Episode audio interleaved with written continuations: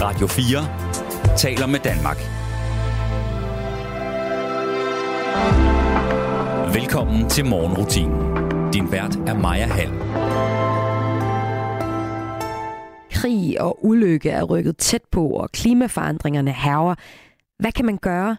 Det spørgsmål har en af Dansk Teaters helt store navne talt med en ung teatertruppe om. Og svarene var slående ens og gav dagens gæst en optimisme. Og den optimisme, den vil jeg gerne dykke ned i, for det synes jeg også, man har brug for. Selvom jeg ikke er en del af den unge generation, så synes jeg også, at krig og klimaforandringer kan være rimelig svære at forholde sig til. Hør, hvad det var, de svarede, når jeg om lidt får besøg af dagens gæst her i morgenrutinen på Radio 4. En øh, udsendelse, hvor vi også skal se på anmeldelserne af en ny dokumentar om reality-stjernen Sidney Lee, der døde sidste år. I dokumentaren er der brugt en kunstig intelligens til at genskabe hans stemme, og det greb det deler vandene, men anmelderne er nu ret glade for den her nye dokumentar. Inden vi kommer til alt det, så får du allerførst et godt råd fra Tove Ditlevsens brevkasse, og så er der også en masse musik her i morgenrutinen på Radio 4, så vi starter med noget Beatles med Blackbirds. Velkommen indenfor i morgenrutinen. Blackbird singing in the dead of night. Take these broken wings and learn to fly all your life. You were only waiting for this moment to arise.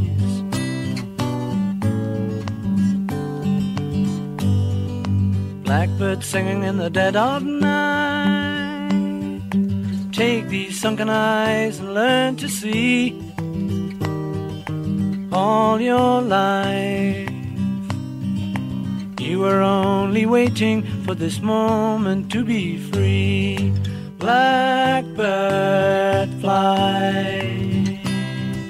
Blackbird fly into the light of a dark black night.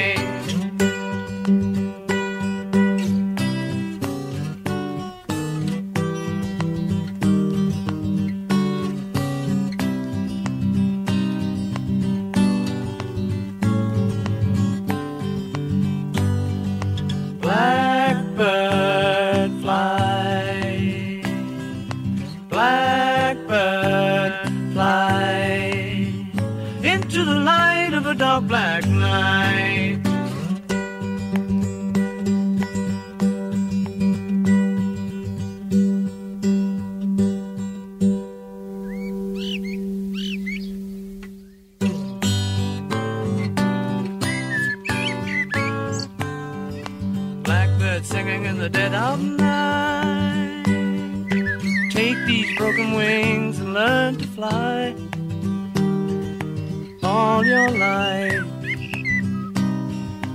You were only waiting for this moment to arise.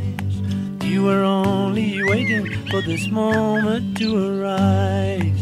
You were only waiting for this moment to arise. Ja, Blackbird med The Beatles, et nummer, der udkom i 1968 på deres The White Album. Det er altså et nummer, der er 55 år gammelt i år, og det holder stadig. Det synes jeg i hvert fald. Og det synes jeg også, Tove Ditlevsens råd fra hendes brevkasse i familiejournalen gør, selvom de er endnu ældre. Altså, de går helt tilbage til, lad mig lige se her, Ups, 1956. Og øh, Tove Ditlevsen, han var en af Danmarks største øh, forfattere og digtere, og har skrevet med udgangspunkt i sit eget ret tumultariske liv og kærlighedsliv. Og derfor synes jeg også, det er særlig interessant at læse hendes brevkassesvar i familiejournalen. Og spørgsmålet ikke desto mindre, fordi spørgsmålene de er ret universelle. De kunne altså være skrevet i dag. Jeg læser her i morgenrutinen op fra Tove Ditlevsens brevkasse hver dag, og det gør jeg altså også i dag. Her er det et spørgsmål fra 1957, den 15. januar, hvor den ensomme skriver ind til Tove Ditlevsen. Jeg er fraskilt og har været det i seks år. Jeg har to piger på 9 og 12 år og bor i en lille landsby, hvor alle kender hinanden, og hvor fraskilte kvinder bliver regnet for en fare for gifte mænd. Jeg kan mærke på folk, at de ser ned på mig. En aften, da jeg gik til en fest, kunne jeg mærke på kvinderne, at jeg ikke var ønsket. Da en mand, jeg engang har arbejdet sammen med, kom hen til mig og hilste på mig, sagde hans kone til ham, at han skulle opføre sig, så hun kunne være ham bekendt. Hele aften undgik alle kvinder mig og passede på, at deres mænd ikke dansede med mig. Nu er det, jeg vil spørge, om det virkelig er sådan, at de gifte kvinder er bange for, at vi fraskilte skal tage deres mænd fra dem. For to år siden lærte jeg en mand at kende, som er ungkarl. Ham kom jeg til at holde af, og jeg tror også, han holder af mig. Men han er også her fra byen, og han tør ikke møde mig, når andre ser på det. Ja, han tør ikke engang tale til mig, når nogen hører på det. Hvis vi skal mødes, må det foregå i det skjulte. Jeg er så fortvivlet, og jeg spørger tit mig selv, om vi fraskilte, der ikke også er mennesker med følelser, som andre ikke har ret til at træde på. Og så svarer Tove Ditlevsen her i familiejournalen. Kære ensomme, jeg tror, de har ret i, at gifte kvinder ofte er bange for, at en fraskilt medsøster, som er indtagende og sød, skal tage deres mænd fra dem. Men årsagen til denne frygt ligger i den triste kendskærning, at nogle mænd anser en fraskilt kvinde for en nem og billig erobring, når de føler trang til et lille eventyr. Hvis de nu med hele deres væsen viser, at denne opfattelse er forkert for deres vedkommende, så vil kvinderne sikkert føle sig trygge og opgive deres sårende og afvisende holdning. Det er mig mere uforstående, at deres ven kun tør møde dem i det skjulte. Hvis han virkelig holdt af dem, vil han da netop være ivrig for at vise hele landsbyen det og trodse deres snæversynethed. Det er i hvert fald urimeligt, at to voksne mennesker, som ikke er bundet af andre relationer, skal snige sig rundt efter mørkets frembrud på grund af hykleriske fordomme ufærdighed ved diverse kaffeborer. Det skal de ikke finde dem i. Forklar ham, og vær selv overbevist om det, at verden jo ikke går under, selvom de og han, arm i arm, tager turen op og ned ad hovedgaden midt i det klare dagslys. Det vil måske give stof til den lokale sladder et par dage, og derefter mister det nyhedens interesse. Men dem vil det skænke den selvtillid tilbage, som de har mistet. Venligst deres hengivne Tove Ditlevsen. Om lidt får jeg besøg af dagens gæst her i morgenrutinen på Radio 4. Og det er det her program, der er dit første aktualitetsprogram her på kanalen, hvor jeg starter din dag med musik og små historier om for eksempel øh, film og teater og bøger. Og så laver jeg også hver dag et personligt interview med udgangspunkt i noget af det, jeg synes er det mest interessante kultur lige nu. I dag får jeg besøg af Madame Nielsen. Hun er en kendt i ind- og udland som både performancekunstner, instruktør og forfatter. Og hun står bag stykket Panic, der har premiere på Aarhus Teater i morgen, og handler om den unge generation, hvis øh, forældre og bedsteforældre har, og nu citerer jeg teateret selv, brændt planeten af og efterladt en verden fuld af varer, underholdning og teknologiske mirakler, skriver teateret altså om stykket her, som handler om al den panik, som man som ung generation kan gå og have. Og øh, stykket her er skrevet med udgangspunkt i øh, den generation af skuespiltalenter fra den danske scenekunstskole i Aarhus, som Madame Nielsen har interviewet til stykket og spiller med i stykket. Og det var ret opløftende at tale med den her generation, fortæller hun. Hvorfor det var det, det kan du høre om lidt. Men først får du et nummer med Nelson Kane. Et nummer, som jeg netop har genopdaget i forbindelse med TV2's dramaserie Dansegarderoben, hvor det her nummer, Break Down Your Walls, er intronummeret. You've been holding back for a lifetime Without even knowing why you're so afraid every day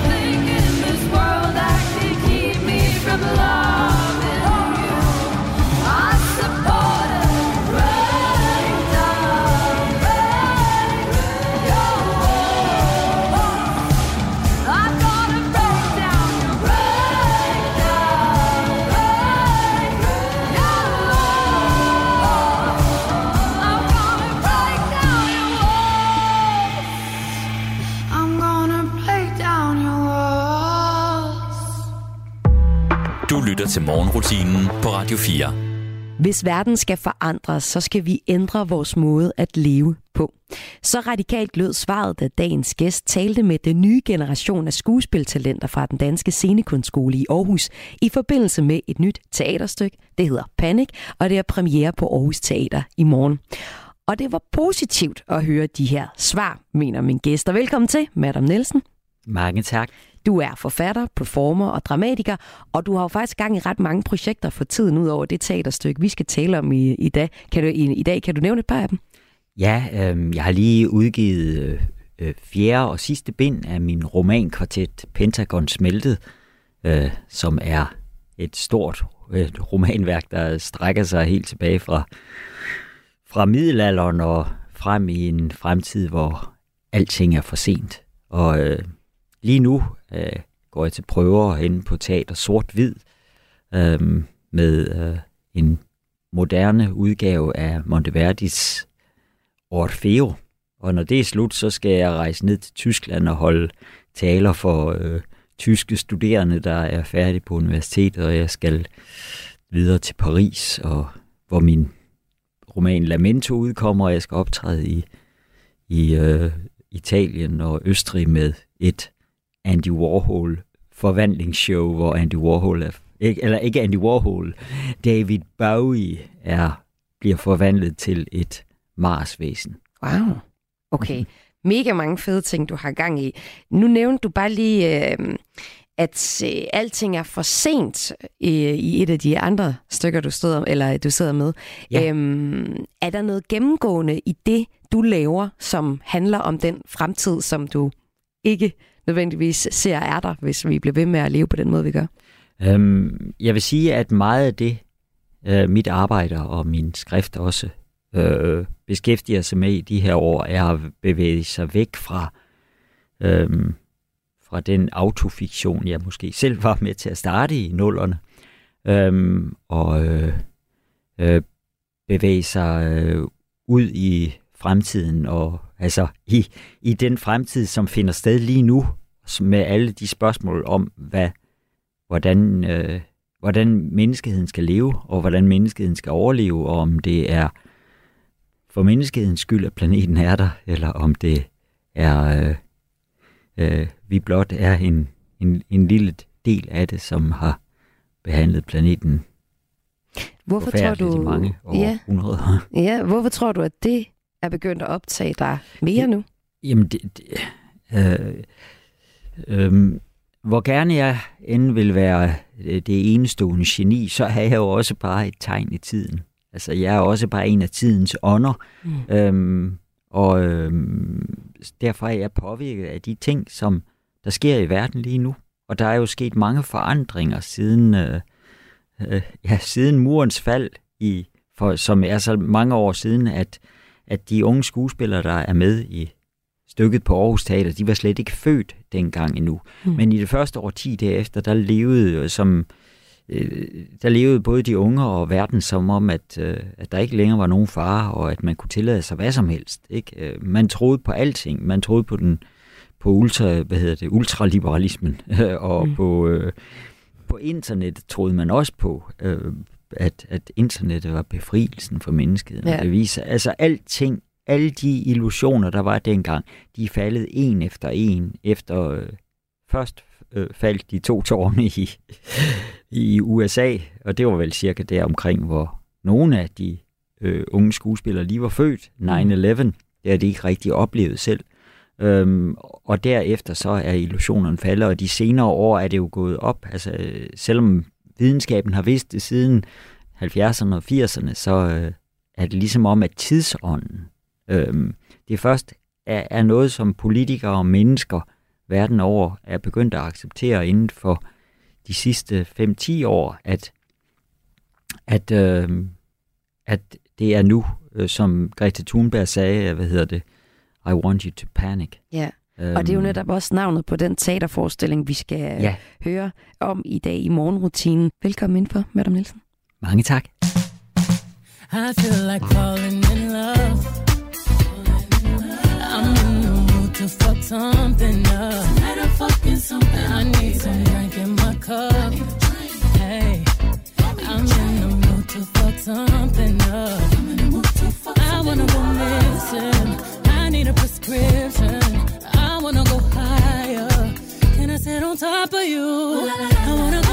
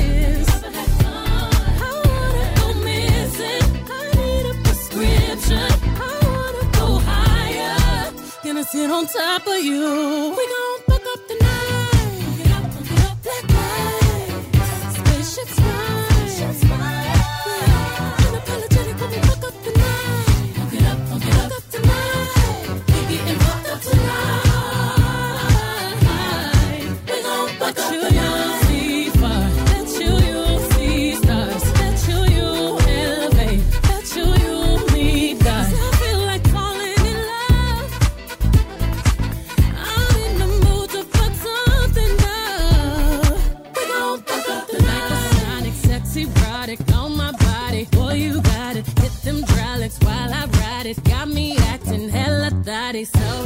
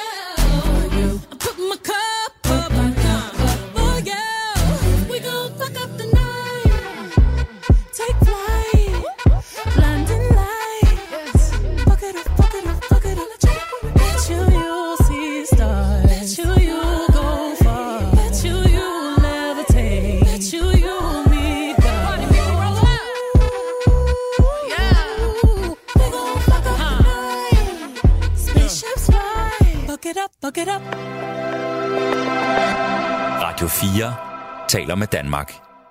I want you to panic, sagde klimaaktivist Greta Thunberg til World Economic Forum i Davos i Schweiz i 2019.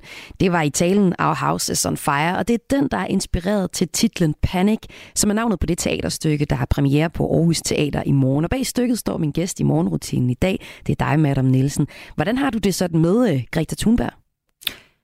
Jeg har det meget fint med Greta Thunberg. Ikke mindst fordi, at hun nu har trukket sig tilbage til fra rollen som stjerne. Øhm, Hvad mener du om det? I, i- øh, jo, fordi det, det er et stort problem øh, hos medierne og offentligheden, og måske er det noget, der ligger i menneskeheden, at man ikke kan ide- identificere sig med en hel bevægelse af navnløse. Der skal helst være en held, der skal være en formand, der skal være en præsident. En, øh, øh, i, I Tyskland er der en bevægelse, øh, som hedder De Letste Generation, øh, den sidste generation. Og øh, i Danmark er der jeg tror, klo- to klimabevægelser i stedet for en. Øh, øhm, og øh, vi- vi vil helst, det der virkelig øh, får gennemslagskraft i, i offentligheden, det er, hvis der er en ener, en, der skiller sig ud fra alle andre, en, der på en eller anden måde er et geni. Og det er en, det er en trist ting, fordi øh, forandringen, den skal ikke komme fra enkelte individer, men fra menneskeheden. Og derfor så er det øh, fra fællesskabet og, og bevægelserne. Og derfor så er det enormt sympatisk, at hun, øh, ja nu dyrker jeg hende så ekstra, fordi hun har trukket sig tilbage og øh, nu blot er en del af den øh, unge bevægelse. Og det er tydeligt at se de få gange, jeg har set hende. Ligesom medierne kaster sig over hende, men hun, hun øh, fastholder, at, at blot at være en af de mange, og det er meget vigtigt. Og faktisk, nu læste jeg lige op på hende, hun er jo faktisk blevet 20 år nu, så hun har været i gang i nogle år som den Ja. her svenske klimaaktivist.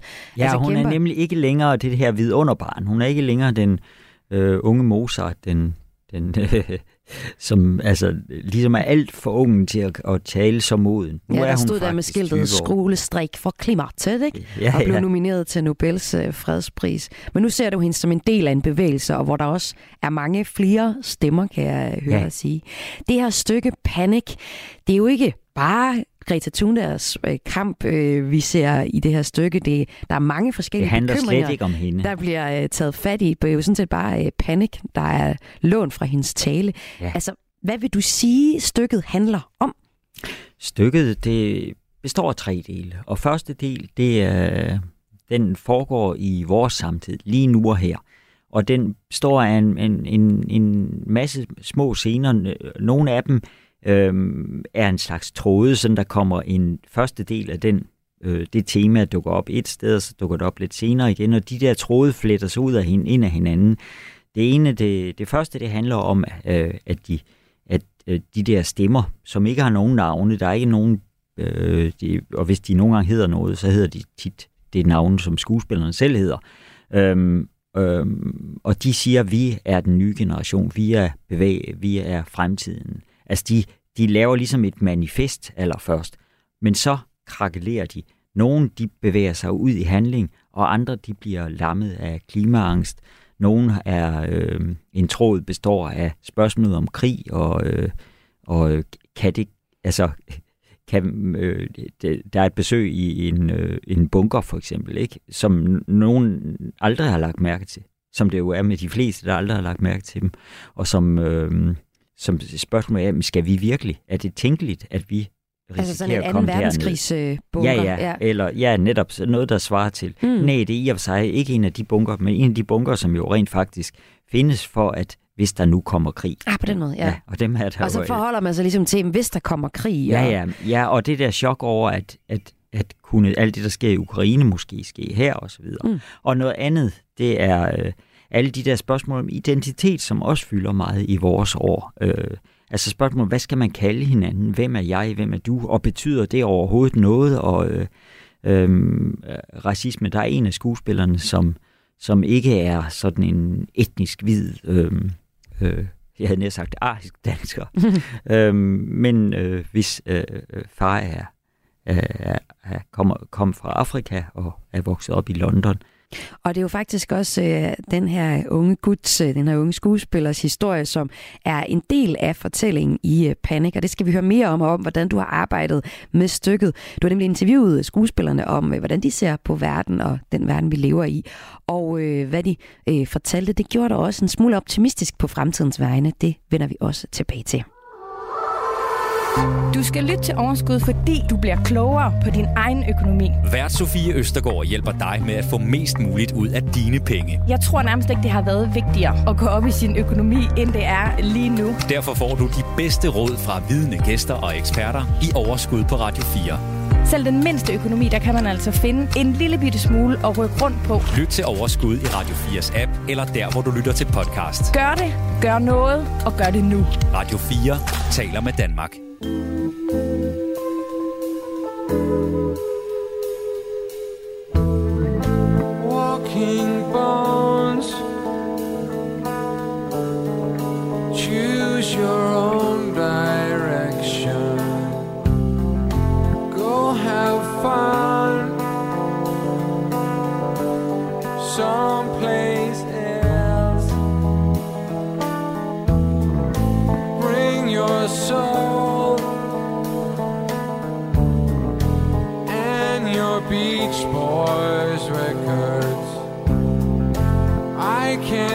back.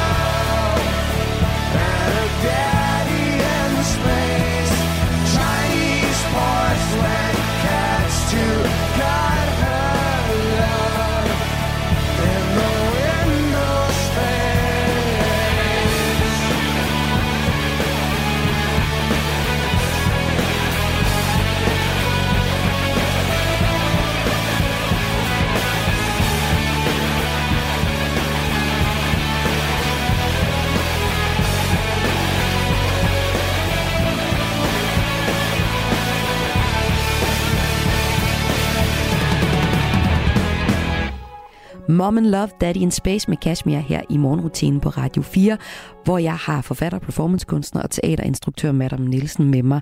Og øh, jeg har inviteret dig ind for at fortælle om tankerne bag forestillingen Panic, der har premiere på Aarhus Teater i morgen.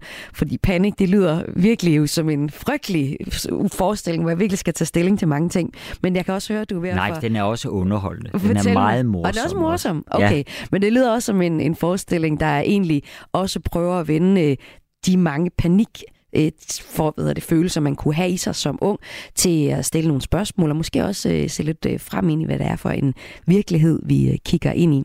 Skuespillerne de kommer fra den danske scenekunstskole i Aarhus, og du har interviewet dem til forestillingen. Hvorfor har du egentlig det? Jo, det var en forestilling, jeg skulle skrive til dem, og derfor så var interesseret det mig, hvad der bevægede dem. Øhm, og derfor så øh, både helt personligt, en for en. Jeg tog dem simpelthen en for en, og, Ja. og, og, og, og udøvede sådan en rigtig... Øh, den erfarne dramatikers eller kunstners øh, magt, øh, som består i, jeg satte mig simpelthen ned og interviewede dem, uden at fortælle meget om mig selv, men øh, prøvede at trænge så meget ind i deres personlige, øh, det der bevægede dem. Og der var også, der var alle mulige ting, og det, på en eller anden forstand viste de sig at være vidunderlige, øh, typiske for, øh, for, for, for dem, de er. Altså en meget privilegeret del af den danske ungdom. Ja, ja, hvorfor er det så interessant at høre på den her privilegerede øh, unge skuespillertalent? Altså, øh, selvfølgelig er det, det er bare et a matter of fact, at øh, det er, det er et faktum, at de er privilegerede, fordi de ud af, jeg ved ikke hvor mange hundrede ansøgere, er, er de seks, der har fået lov at gå i, i tre år på, på, på scenekunstskolen. Og øh, så på den måde er de en slags undtagelse, men samtidig er de, og, og viser de sig heldigvis også bare at være typisk for deres generation. Men jeg kunne godt tænke mig også lige blive ved, ved den oplevelse ja. Ja. at interviewe de her unge. Altså, hvad var det for en oplevelse at tale med dem? Jamen, det var bare livsbekræftende, fordi de, Hvorfor? de havde, øh, de, de var, øh, de var ærlige, og de var åbne, og de var, øh, de sagde ja til, til livet, og til verden, og til at arbejde med den, og til at handle i den. Og til det ikke dig? bare at trække, nej, det gjorde det overhovedet ikke, mm. men det glædede mig. Okay. Altså, øh, øh, øh, jeg kan se det også fra min datter og hendes generation, som er af den samme generation, men altså dem, jeg har mødt, jeg har mødt mange, som, øh, som når de er en del af et fællesskab, og det er de jo på den scenekunstskole der, hvor det ikke længere bare handler om at sende sig selv som individer, men også meget om at gøre noget sammen. Og, øhm, og, der har jeg oplevet den der vilje til at, at svare også på de store spørgsmål. Ja, at, at det rent faktisk meget gerne må handle om de store spørgsmål, og ikke at det, de laver, ikke skal, hverken for dem selv eller for publikum, skal være en pause i, øh, mm. i, øh, i hverdagens problemer osv., men netop øh, tage hverdagens og samtidens problemer op og øh, øh, behandle dem med stor alvor og med stor humor og med stor fortvivlelse, og, øh, men med viljen til at gøre noget. Madam Nielsen, bliv hængende lidt endnu, fordi jeg er interesseret i at høre mere om, hvorfor de her svar de var positive for dig at høre, livsbekræftende, som du også øh, siger. Men først så er det Bjørk med It's Oh So Quiet. and so peaceful until you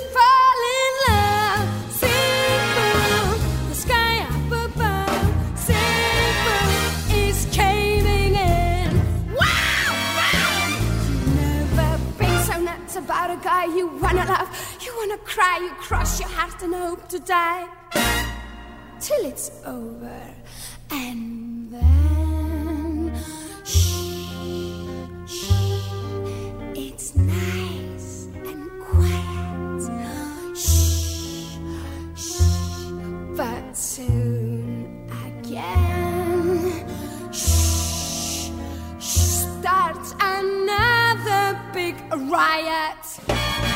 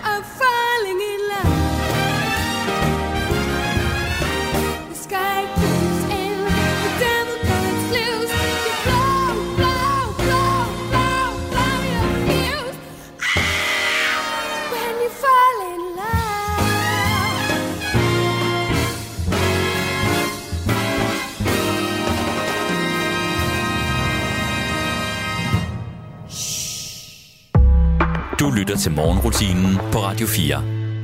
Verden står i flammer, kunne man sige. Hvad kan man gøre? Det spørgsmål stiller stykket Panik på Aarhus Teater sammen med den nye generation af skuespillertalenter fra den danske scenekunstskole i Aarhus. De arbejdede sammen med dig, Madam Nielsen. Du har skrevet teksten til stykket. Og øh, du fortalte før, at øh, skuespillernes fortællinger, de, gav, de var sådan livsbekræftende øh, for dig. Hvad var det for eksempel, de fortalte, der var livsbekræftende at høre, når nu ja, det er et stykke, der hedder Panik og handler om alle de ting, man kan panikke over lige nu? Jeg vil sige, det var faktisk ikke øh, det konkrete, de sagde, men det var deres indstilling til at være i verden, til at være på en selekunstskole, til at, at, øh, at skulle øh, forvalte fremtiden i en vis forstand. At de sagde ja til det, og de, øh, de var u- meget åbne og villige, altså, og havde lyst til at forandre, og være med til at forandre, og være en, en drivkraft i det, og ikke bare øh, Øhm, være nogen, der forsøger at leve op til nogle ældre forbilleder. Og det tror jeg er noget, der er meget vigtigt, og jeg håber bliver kendetegnet.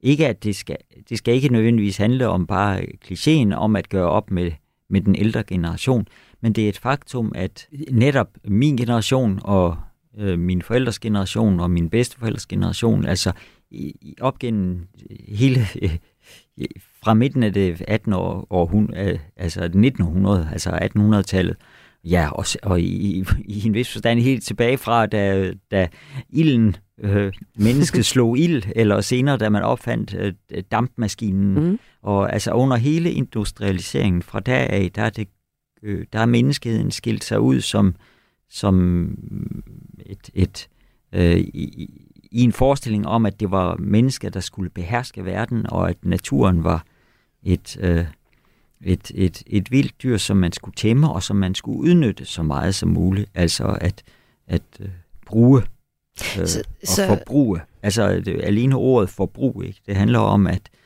at øh, det lyder netop også af, at der er, øh, øh, at der er en verden, som vi skal øh, forvandle til et produkt og indtage. Men jeg hørte jo så egentlig også sige, at, at der er nogle, øh, for, for eksempel nogle, som du så siger, privilegerede skuespillere, men du siger, ser dem også som et øh, symptomatiske for den unge generation, der gerne vil gøre noget og gøre op med forbruget. Altså med sådan et stykke som Panik, øh, som jo ellers handler om alt det, man kan panikke om. Øh, vil du så sige, at du er optimist for fremtiden, på grund af de ting, som de forskellige fortæller, fortalte dig, øh, de her skuespillere, Madam Nielsen?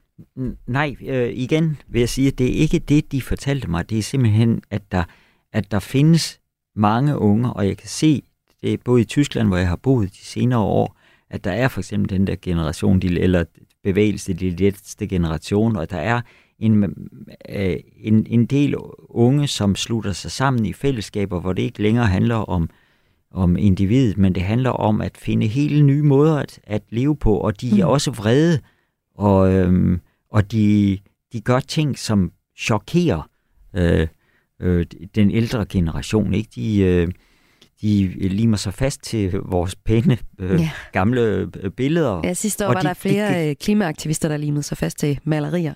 Ja, Ja. På, på berømte af verdens kunstmuseer. Ja. Og det er selvfølgelig, øh, det kan nemt blive bare til mediebegivenheder osv. Mm. Men øh, der er noget vidunderligt i den der, øh, i det radikale, at de ikke fandme ikke finder sig i, i alt det pis. At de vil have, at, øh, at verden laver sig om, og at, Mm. at, Men- men, at ikke de blot der- politikere, men Ja. at de vil selv de vil selv være politikeren, de vil selv handle. Men gør det dig til optimist for fremtiden? For den generation, du det, også har det, været med til at det, er sætte det verden? sted, jeg, øh, det er det sted i al den håbløshed. Jeg synes, det er håbløst, men håbet ligger, håbet i håbløsheden ligger hos øh, den unge generation. Det er det eneste, der... Jeg kan se det på min egen generation, at der... Øh, altså, jeg undres øh, hver dag, når jeg hører mennesker tale sammen i min generation, øh, om hvordan det, jeg kan høre, hvordan de lever fuldstændig som om, at intet var blevet anderledes. Øhm, måden de forbruger rejser på, øhm, lige tager en smuttur til Tenerife, fordi det, det er sgu dejligt at komme ned i solen. Og det kan også være inden for kunstbranchen, øh, altså hvor det er, man skulle tro, at, at alle var indstillet på det. Jeg, ja, altså jeg kæmper meget med, jeg skal lave en stor forestilling på München og Kammerspil i München, og jeg kæmper meget med at få dem til at forstå, at de ikke bare lige skal komme op og se, øh, de siger, at vi kommer lige op og ser jeres Orfeo-premiere. Ja. Og så flyver de lige op og tilbage, og så øh, vil de i øvrigt også gerne vise min forestilling Verdensfrelserinde, som handler om at, at, at, at frelse verden. Altså, der, øh, jeg er så primitiv, at øh, jeg vil sige, at øh, for mig skal der være, øh, der skal være overensstemmelse mellem ord og handling. Mm. Og, og det, det er fortvivlende i min generation. Og jeg ved også godt, at, at det, der findes også mange unge, øh, både privilegerede og dem, som ingenting har, som simpelthen øh, øh, vil forbruge nu og her, mens de er her, og som i og for sig øh, skider på, om øh, øh, de børn, de selv får, øh, hvilken verden de kommer til at leve i. Men der er også den anden side. Der er også den anden side, og det er der, man bliver nødt til at kigge derhen. Fordi man kan ikke... øh, Det værste, der kan ske i håbløsheden, det er, at man resignerer og acceptere håbløsheden. Altså, det, at alting er håbløst, øh, det skal man bare ikke acceptere. Det kan godt være, det er sandt, men lad være med at acceptere det, fordi så dør livet. Så dør... Øh, øh, det er det eneste sted, øh, det er det eneste, der er at gøre. Det er at håbe, og det er at gøre noget, også der, hvor der ikke øh, synes at være noget at gøre. Og den vilje til at finde nye måder at leve på, og handle på, og være politiske på, og i det hele taget at danne fællesskaber på. Øhm, og tænke over, hvordan man forbinder sig med øh, insekter og øh, øh, mm, hvad hedder det, øh, dyr, øh, planter, øh, alt det, der omgiver os. At finde en helt anden måde at tænke om de ting, om, om alt det, der omgiver os på. Ikke som, som øh, ma- materialer, som skal øh, udnyttes og forbruges, men som noget, vi, vi er en næsten magtesløs del af. Jamen øh, lad os slutte på håbet, Madam Nielsen. Ja. Tusind tak, fordi du var med her i morgenrutinen. Dramatiker, forfatter, performancekunstner og altså aktuel med blandt andet Panic, der kan ses på Aarhus Teater frem til den 6. maj. Ja, tak. Og jeg vil håbe, at menneskeheden, den danske menneskehed, valgfarter til Aarhus, for de er fantastiske. Morgenrutinen er dog ikke helt færdig endnu. Inden du smutter videre, så har jeg lyst til at fortælle dig om en ny dokumentar om reality-stjernen Sydney Lee.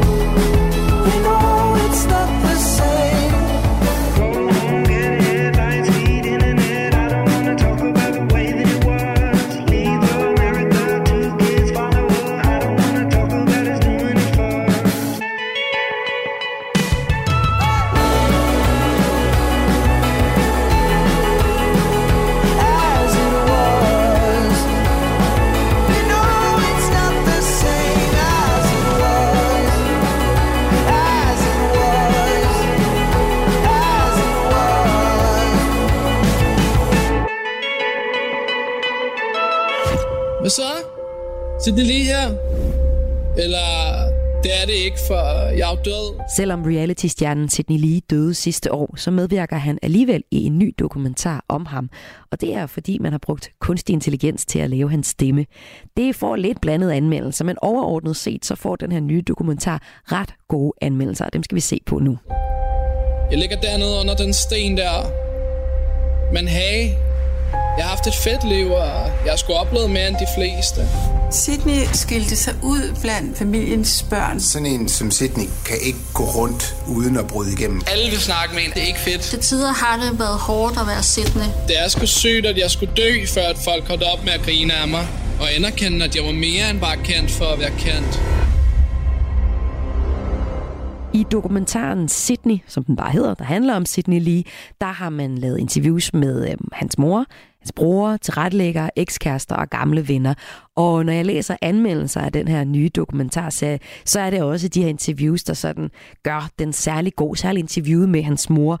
Det er politikens anmelder også ret begejstret for og siger, at dokumentaren kan være ret stolt af sine kilder. Det er kilder, som vi ikke har hørt særlig meget før, altså familie, nære venner, der udtaler sig om Sidney Lee. Men politikens anmelder er så ikke så glad for, at man har brugt den her kunstig intelligens til at genskabe Sidney Lees øh, stemme. Det bliver, jeg tror, de skriver, at det er frankensteinsk gravrøveri, og at de røverhistorier, som Sidney Lee ligesom fortæller, det mudrer virkeligheden i flere lag, end hvad godt er. Noget mere begejstret, det er filmmagasinet Eko. De giver den 5 ud af 6 stjerner og skriver ægte, rørende og tankevækkende dokumentar på TV2 om reality-stjernen Sidney Lee, som vi elskede uden at ville indrømme det. Og det er også sådan, at Sidney Lee, han døde sidste år. Det kom frem, at han døde af en blodforgiftning efter en svær lungebetændelse. Og det er altså ham, der så nu er lavet en dokumentar om. Se og Hør hæfter sig også ved de interviews, der er i dokumentaren. De skriver, hvor er det fantastisk nu at høre dem løfte noget af det mystiske slør, der altid har hvilet over Sidney Lee. Moren Bente, broren Troels og veninden Maja medvirker i de to første afsnit hvilket også ven Dennis og ekskæresten Mary Ann gør. Sammen stykker de billedet sammen af en mand, der havde svært ved at fungere uden for sit selvbyggede fantasiunivers. Svært ved at passe ind i forventningerne til ham, skriver de her, og øh, fremhæver også de ting, som Sidney Lee havde særligt svært ved. De skriver, at dokumentaren lader os forstå, at Sidney Lee øh, havde tre afhængigheder, der gjorde livet svært for ham at leve, og det var opmærksomheden, virkelighedsflugten og alkoholen. Dokumentaren Sydney, som altså handler om Sydney Lee, den er i tre afsnit og kan ses øh, på TV2 Play og TV2 Echo, og tredje afsnit her har premiere den 18. april.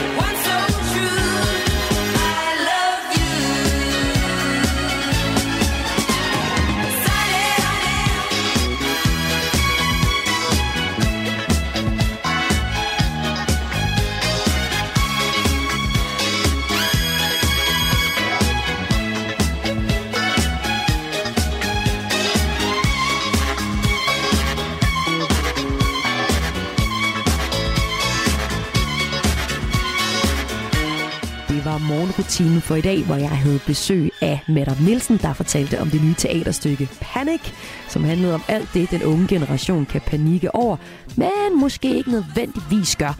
Der er i hvert fald noget aktivisme at spore i dele af den unge generation, synes Madam Nielsen. Hvis du ikke fik hele det interview med, så kan du finde programmet som podcast der, hvor du lytter til podcast. Og husk nu, endelig morgenrutinen sender hver dag mellem klokken 5 og 6. Så kender du nogen, der er tidligt op, ligesom dig selv nu, så tip dem da endelig om, at der faktisk er radio til dem her på Radio 4. Nu sender jeg dig videre til min kollega på Radio 4 med Radio 4 morgen. Ha' en rigtig dejlig dag. Mit navn er Maja Hall. De vil have mænd i uniform, selvom det er en kliché. Bag uniformen er der PTSD. Maskuline tårer har vi lært at gemme væk Lige siden skolegården, de kalder bare på endnu flere tæsk Tag dig nu sammen, ja, mand dig selv op. Læg lov på det hele, behold din skrig i din krop. I et lille hus på landet, eller mørkegrå blok. Bag gardiner, der gør selv solen giver for når mænd de græder, er det altid en flaske, en streg, en joint, i en pille eller en blanding af alting. Ingen tårer, bare hvad han vil Når mænd de græder, Men øjnene i stillhed Drukner inden i, indtil blikket siger intet. Ikke had på din far Bare giv ham kærlighed. Og lær ham at græde Ja, lær ham at græde. For mænd, de græder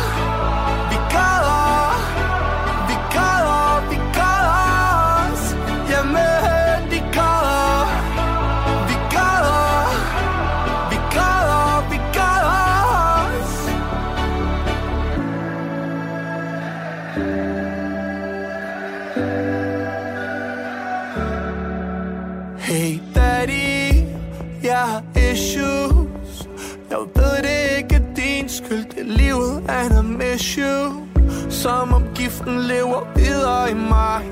Jeg har lyst til at gøre alt det lort som der ødelagde dig. Hvad skal jeg gøre med mine tårer Når de håber sig op? Hvad skal jeg sige til mor? Hun spørger om det går godt. Gå på svar. Tag ud på en bar. Gør ligesom far. Ja. for når mænd de græder Er det altid en flaske, en streg en joint, en pille eller blanding af alting Ingen tårer, bare vanvid Yeah. Når mænd de græder Med øjnene i stillhed Drukner inden i han til blikket siger intet Ikke had på din far. Bare giv ham kærlighed og lær ham at græde ja. Lær ham at græde For mænd, de græder.